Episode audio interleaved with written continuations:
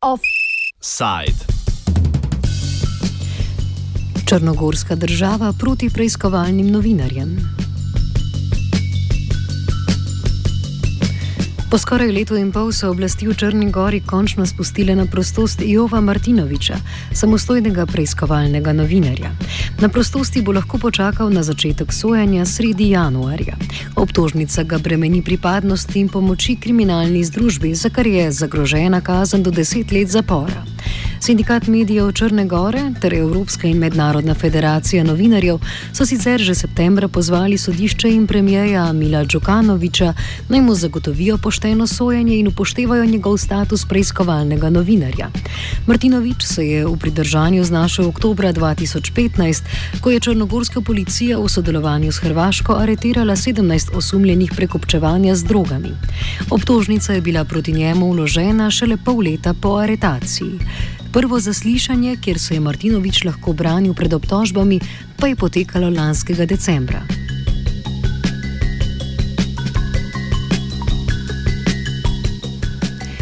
Med pripadniki kriminalne združbe, ki naj bi po obtožnici pripadal Martinovič, izstopata dva: Duško Martinovič in Namik Selmanovič. Jovo Martinovič je Duška v preteklosti obiskoval v zaporu, kjer je bil, ker je bil njegov vir za snemanje dokumentarca o znanih tatovih dragih kamnov, združenih pod imenom Rožnati Panther. Selmanovič pa je Martinoviču omogočal pogled v nedovoljeno trgovino z orožjem na Balkanu. Pojasni Mirjana Camovič, predsednica sindikata medijev Črne Gore. Uh, Jovo Martinović je uh, uhapšen i optužen pet, e, 22. mislim oktobra 2015. godine za uh, pripa, e, uh, sumnječega da pripada kriminalnoj organizaciji koja se bavila uh, švercom narkotika i kriminalnim udruživanjem i uh, po tom osnovu zapričena kazna koju i ovo može dobiti je uh, veća od 10 godina. Uh, njegovo suđenje je počelo u septembru, znači skoro godinu dana je trebalo tužiloštvu i policiji da i sudu da da zakažu i počnu to suđenje. Nekolika ročišta su održana i ovo je e, saslušan tokom decembra i e, jedina dobra vijest u svemu tome je što je on prije nekoliko dana pušten iz zatvora i sad će se braniti sa slobode.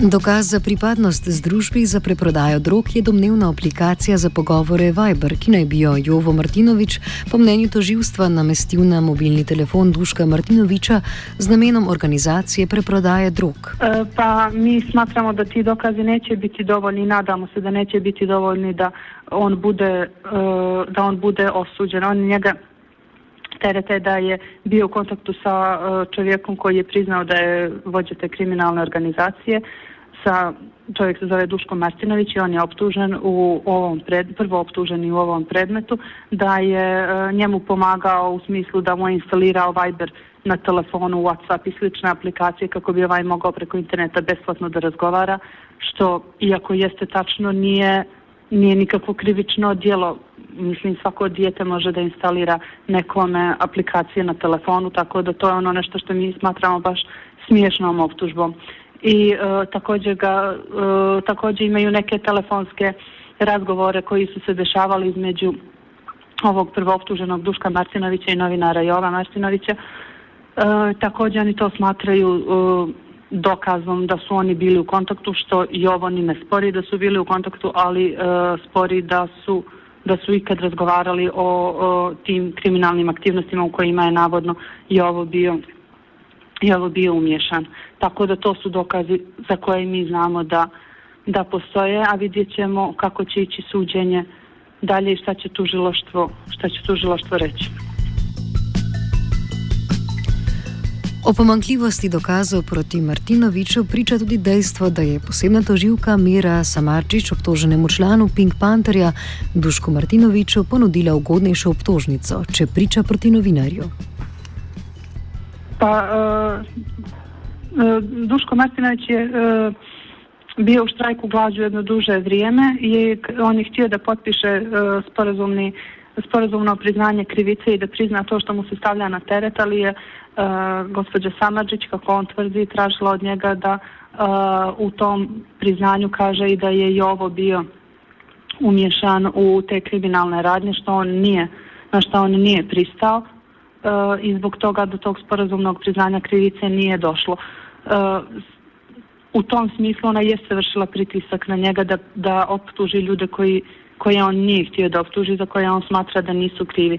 A on je bio spreman da prizna znači svoj dio krivice i da kaže da je bio na čelu te kriminalne organizacije, ali to će morati da se utvrdi tokom suđenja, jer znači do tog potpisivanja sporazumnog priznanja krivice nije došlo zbog pritisaka na koje E, Duško e, Martinović nije htio da pristane i nije htio da kaže da je i ovo dio kriminalne organizacije.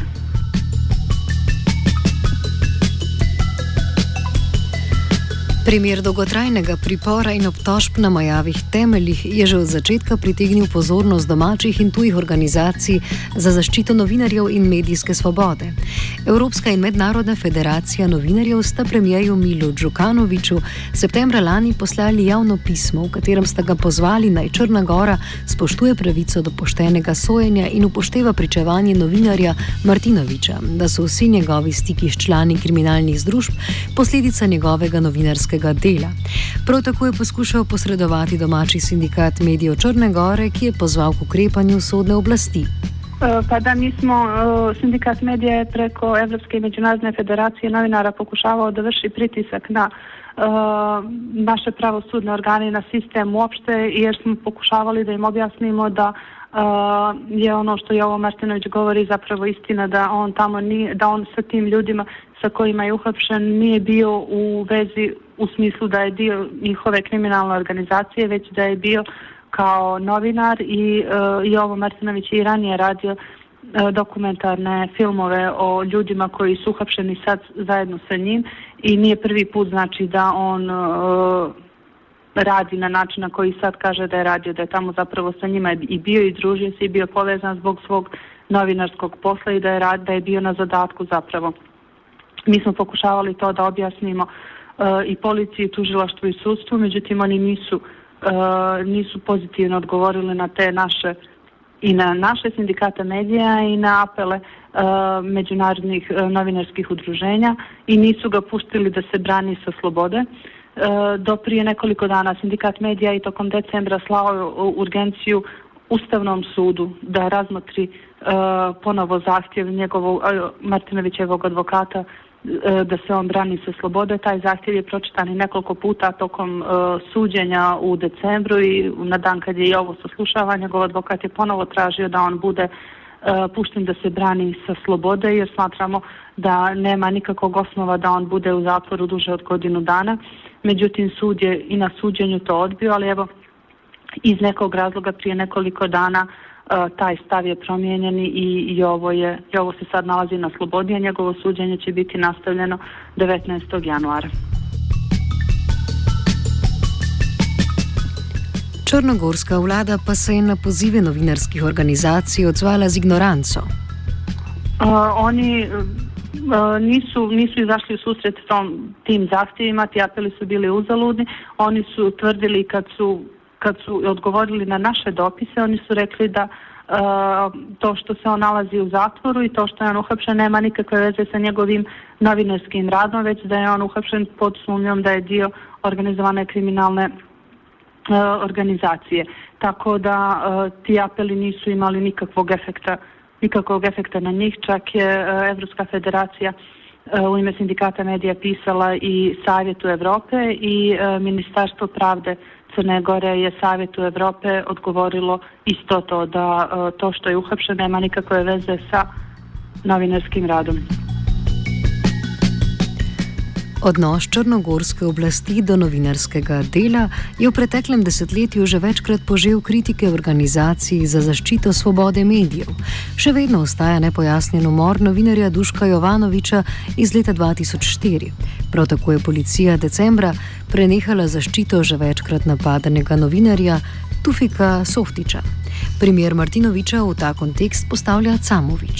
Sloboda medija u Crnoj Gori inače na izuzetno niskom nivou i po svim mjerenjima i reportera bez granica i Freedom House i svih relevantnih međunarodnih organizacija Crna Gora se izuzetno nisko kotira kad, kad je u pitanju sloboda medija i uvijek smo samo malo bolji od Makedonija. Znamo da je Makedonija uvijek, uvijek najgora i Srbija i Hrvatska i Bosna su mnogo ispred, ispred Crne Gore. E, problem Crne Gore su E, loši ekonomski materijalni uslovi u kojima rade rade novinari i ostali zaposleni u crnogorskim medijima. Problem je cenzura i autocenzura, niske zarade i problem je veliki broj e, nerješenih slučajeva napada i ubistva na novinare. U Crnoj Gori nijedan slučaj napada na novinare ili medije nije istražen do kraja. E, iako se ponegdje zna gdje, ko su napadači, ne zna se ko su uh, E, nalogodavci koji je motiv bio tih ljudi da napadaju novinare, odnosno medije. Mi imamo slučaj ubista Duška Jovanovića, glavnog urednika dana koji se desio 2004. godine. Još se ništa ne zna o tome. Ima samo jedna osoba je pravosnažno osuđena za saučesništvo, ne zna se motiv, ne zna se ko je to uradio, zbog čega i e, ko je, zbog čega, uopšte se ne zna zbog čega je ubijen, ubijen Duško Jovanović i za 12-13 godina ništa po tom pitanju nije urađeno i to je jedan veliki problem Crne Gore i dok se to stanje ne promijeni, e, sloboda medija će uvijek biti izuzetno nisko rangirana u Crnoj Gori. Novinarju Martinoviču, ki se je zaradi svojega preiskovalnega dela znašel na pridržanju za skoraj leto in pol, še vedno grozi morebitna desetletna zaporna kazen. Njegov primer potrjuje domnevo, da si črnogorski preiskovalni novinarji pri svojem delu ne morejo obetati varstva države. Camovič glede politične razsežnosti sojenja Martinoviču zaključuje. E, da mi znamo, otvoren interes ne postoji, ali znamo da je ovo Martinović u više slučajeva e, e, u, svojem, u svom radu govorio o korupciji na visokom nivou u više država, o kriminalu i tako da, sma, tako da postoji mogućnost teoretska ili realna, vidjet ćemo da je uh, on u svom radu kroz rad sa ovom kriminalnom organizacijom, znači sa ljudima s kojima je uhapšen, da je u tom poslu bio umješan i neko možda, možda od državnih organa, pa da su zbog toga smatrali da on treba da da bude sklonjen, ali ovo je ono potpuno spekulacija, tako da i moja i pretpostavka neka s kojom mi uh, s kojom mi baratamo nije nešto što je što je definitivno i što se može uzeti kao neki uh, kao neki definitivni pokazatelj interesa vladajućih struktura u Crnoj Gori da sklone Jova Martinovića, ali kao u teoriji postoji ta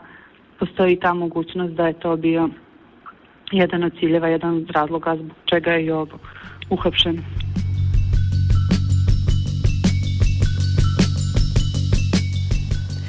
Offside je pripravila vajenka Neja.